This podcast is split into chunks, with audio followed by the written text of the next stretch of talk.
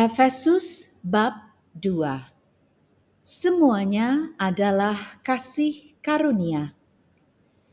Kamu dahulu sudah mati karena pelanggaran-pelanggaran dan dosa-dosamu.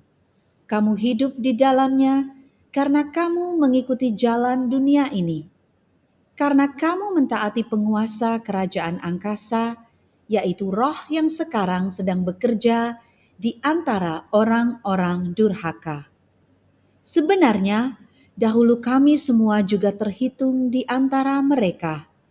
Ketika kami hidup di dalam hawa nafsu daging dan menuruti kehendak daging dan pikiran kami yang jahat.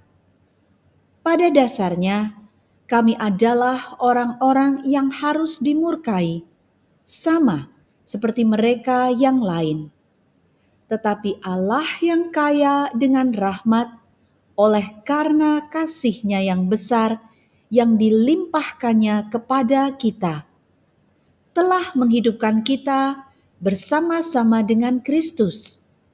Sekalipun kita telah mati oleh kesalahan-kesalahan kita, oleh kasih karunia kamu diselamatkan.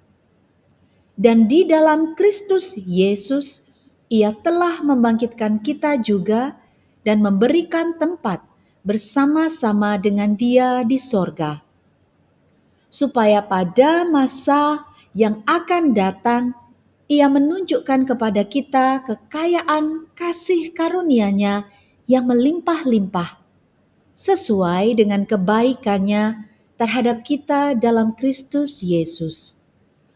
Sebab karena kasih karunia, kamu diselamatkan oleh iman itu bukan hasil usahamu, tetapi pemberian Allah. Itu bukan hasil pekerjaanmu. Jangan ada orang yang memegahkan diri.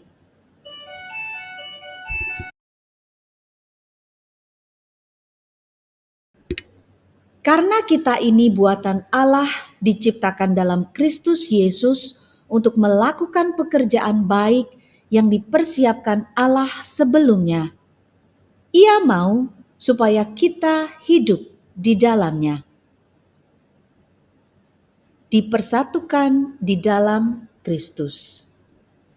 Karena itu, ingatlah bahwa dahulu kamu sebagai orang-orang bukan Yahudi menurut daging, yang disebut orang-orang tak bersunat oleh mereka yang menamakan dirinya sunat, yaitu sunat lahiriah yang dikerjakan oleh tangan manusia, bahwa waktu itu kamu tanpa Kristus tidak termasuk kewargaan Israel dan tidak mendapat bagian dalam ketentuan-ketentuan yang dijanjikan, tanpa pengharapan dan tanpa Allah di dalam dunia. Tetapi sekarang di dalam Kristus Yesus, kamu yang dahulu jauh sudah menjadi dekat oleh darah Kristus. Karena dialah damai sejahtera kita yang telah mempersatukan kedua pihak dan yang telah merubuhkan tembok pemisah yaitu perseteruan Sebab dengan matinya sebagai manusia, ia telah membatalkan hukum Taurat dengan segala perintah dan ketentuannya untuk menciptakan keduanya menjadi satu manusia baru di dalam dirinya. Dan dengan itu mengadakan damai sejahtera. Dan untuk memperdamaikan keduanya di dalam satu tubuh dengan Allah oleh salib dengan melenyapkan perseteruan pada salib itu.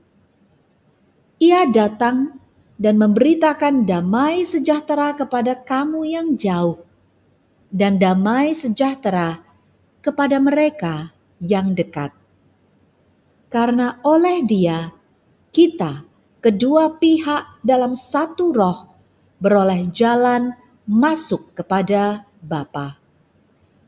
Demikianlah kamu bukan lagi orang asing dan pendatang, melainkan kawan sewarga dari orang-orang kudus dan anggota-anggota keluarga Allah yang dibangun di atas dasar para rasul dan para nabi dengan Kristus Yesus sebagai batu penjuru.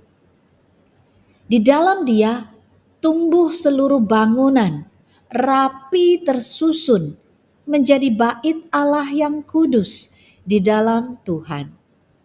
Di dalam Dia, kamu juga turut dibangunkan menjadi tempat kediaman Allah di dalam Roh.